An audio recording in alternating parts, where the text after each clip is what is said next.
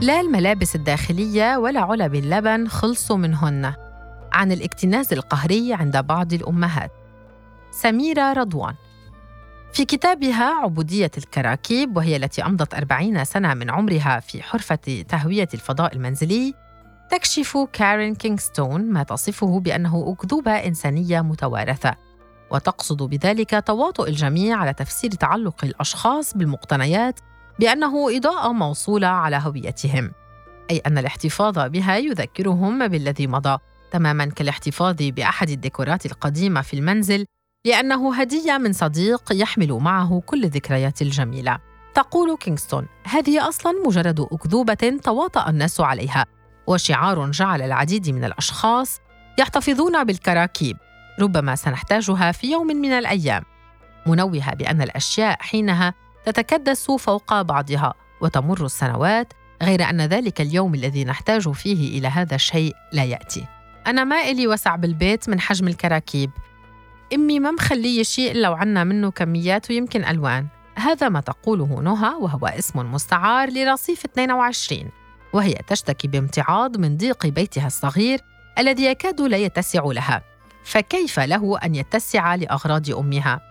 تعمل نهى في محل لبيع الألبسة ولعل أقصى أمنياتها هي العودة للبيت كي تنخمد على حد تعبيرها ولكن واجبها تجاه منزلها وتنظيفه يحجب عنها ذلك.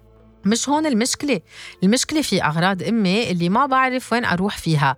عندها علب عطور فاضية وحوالي ألف غطاية أنينة بيبسي وشغلات لا تعد ولا تحصى.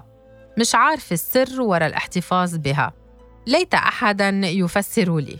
تأتي الكراكيب غالبا على شكل كرسي مكسور أو زجاجة عطر فارغة أثاث مستهلك منذ زمن وأشياء زائدة لا قيمة لها. لا ترمى ولكنها تبقى متناثرة مدة طويلة هنا وهناك دون ما استخدام فهي تدعو محتفظيها للاطمئنان. نور اسم مستعار عمرها 40 عاماً تشرح لرصيف 22 معاناتها مع حماتها. يمكن محتفظة بلا مبالغة بش 50 صحن لفناجين القهوة اللي انكسرت من كم سنة. ومرة كنت عم بعزلها البيت رميتهم بالحاوية رجعت حماتي جابتهم وصارت خناقة بالبيت مع زوجي بسبب هالصحون اللي بلا فناجين. لا تختلف نور عن أميرة التي أصرت على فتح ملف والدتها المتعلق بالكراكيب. تخيلوا عند أمي كل أنواع وأحجام علب اللبن كل ما مناكل علبة وبرميها تسحبها من سلة النفايات وبترجعها على المجلى حتى أجليها بحجة بعبيهم تلج الناحية الصيفية ولصبغة الشعر. وبسبب هالقصة كرهت اللبن وعلبه وصرت أتجنب أشتريه. جد مش معقول؟ ألف علبة! نظراً لكون الاكتناز القهري يقرئ الكثير من الناس طرح رصيف 22 على الأخصائي النفسي باسم التهامي سؤالاً مضمونه ما الدافع أو التشخيص الحقيقي وراء تكديس وتخزين ما لا يلزم بخاصة عند بعض الأمهات؟ فرد بالقول هناك اختلافات في الدوافع وراء الاكتناز إما للاحتفاظ بذكريات معينة أو الخوف من خسارتها وهنا ندخل في صفة البخل. بدوره يطلق الأخصائي النفسي ممدوح سعيد مصطلح اضطراب جمع الكراكيب لوصف حالة يعاني صاحبها من التخلص من المقتنيات أو التخلي عنها. ويشعر بالضيق إن فكر في إتلافها بغض النظر عن القيمة الفعلية لها. ويقول لرصيف 22 إن متلازمة الاحتفاظ بالأشياء القديمة موجودة لدى كل البشر ولكن بتفاوت. في داخل كل منا حاجة للاحتفاظ ببعض الأشياء القديمة بذريعة الاستفادة منها يوما ما أو ربما بهدف إعادة تدويرها أو استخدامها لأغراض أخرى. وفي الغالب هذا لا يحدث والقصة هي مجرد اكتناز واحتفاظ بالكراكيب لا أكثر. واللافت أن الأشخاص الذين يعانون من هذا الاضطراب لا يرونه مشكلة وهذا ما يصعب العلاج. لكن يمكن مساعدتهم في تغيير اعتقادهم وسلوكياتهم. قصتي غير شكل. أنا مخزية من الجيران لأنه أمي لما بتغسل الكلاسين تاعتنا الملابس الداخلية تنشرهم كلهم على الحبل المكشوف للجيران. المصيبة إنه استخدمتهم فوط للغبرة وتمزعوا مع الوقت والناس اللي بيشوفوا غسيلنا بيفكرونا منلبسهم مشوهين. تخيلوا موقفي شو حلو. هذا ما قالته رولا اسم مستعار التي تعمل في معمل خياطة في حين أن الناس تعيرها بملابسها الداخلية الممزقة سود وجهي منهم. من جهتها تشبه المعلمة أمل اسم مستعار البالغة من العمر 55 عاماً الذهاب إلى منزل والدتها لتنظيفه مرة في الأسبوع من لحظة عودتها من المدرسة حتى ساعات متأخرة من الليل تماماً كالذهاب إلى الجحيم. ولا ما بعرف شو اللي مش موجود عندها. علب شوكولاتة فاضي من سنين على بعطور انحرقت الطناجر وولعت وبعدها محتفظة بكراتينها. معالق خشب محروقة ومكسرة وتضيف بالقول. بيت أمي باختصار مثل اللي بلموا قطع عتيقة من الشوارع. ما في فرق. محمد اسم مستعار الذي يعمل صحافيا يعاني من هذه المسألة مع والدته. أمي هوايتها تخزين المرطبانات الزجاجية. كل ما بتخلص آه، علبة مربى أو أي علبة زجاج الله وكيلك بتنظفها وبترفعها على الرف بالمطبخ. ويا ويل ويله لو حدا كسر واحد فيهم.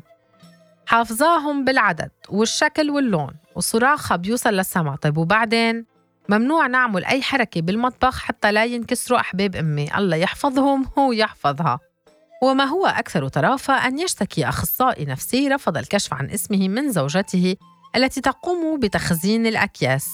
كل أنواع الأكياس بالعالم ببيتي الصغيرة والكبيرة فوق السرير وبخزانة الملابس بكل مكان أكياس أكياس حتى غرفة الجلوس فيها أكياس من سنوات.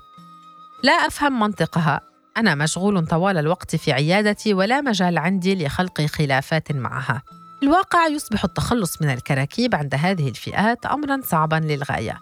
نظرا لقناعة الأشخاص بأن فكرة الخلاص منها وكأنهم يفقدون جزءا عزيزا عليهم. بالعودة إلى المؤلفة كارين كينغستون نجد أن دافعا آخر يجعل الأشخاص يحتفظون بالكراكيب تتمثل برغبتهم في امتلاك أشياء لأن معارفهم أو أقاربهم يمتلكونها وهو ما يشعرهم أنهم في نفس مكانتهم الاجتماعية. أي تعويض نفسي. الاحتفاظ بالأشياء هو مبرر آخر للاحتفاظ بالكراكيب تحت وطأة سيكولوجية الفقر التي غالبا ما تنتقل من الآباء إلى الأبناء بحسب مؤلفة عبودية الكراكيب وكتاب آخر عن فن تنظيف البيت بعلم الفينغ شوي ويشير هذا العلم إلى أن تأثيرا إيجابيا يحدث جراء التخلص من الكراكيب فعندما يكون البيت منظما تكون النفس هادئة ومتزنة بينما إذا تراكمت الأغراض فإن التفكير يتشتت فصاحب الملابس المتراكمة غالبا ما يكون أقل أناقة ممن لديه قطع محددة ومنسقة تجعله أكثر استعدادا وقدرة على تحديد احتياجاته. بما أنه لا توجد أشياء كثيرة مفهومة عن أسباب اضطراب الاحتفاظ بالكراكيب كما يقول الأخصائي ممدوح سعيد إذا لا توجد طريقة معروفة لمنعه. إلا أنه كما هو الحال مع الكثير من الحالات المرضية فإن الحصول على العلاج مع ظهور العلامة الأولى على وجود مشكلة قد يساعد في منع تدهور الحالة والتحكم بها.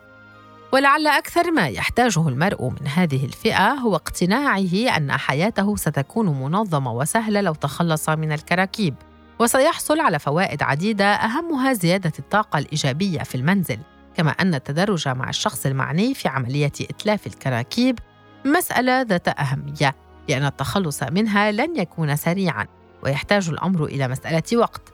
لذلك فلتكن البداية تدريجية كما تنصح كارين كينغستون.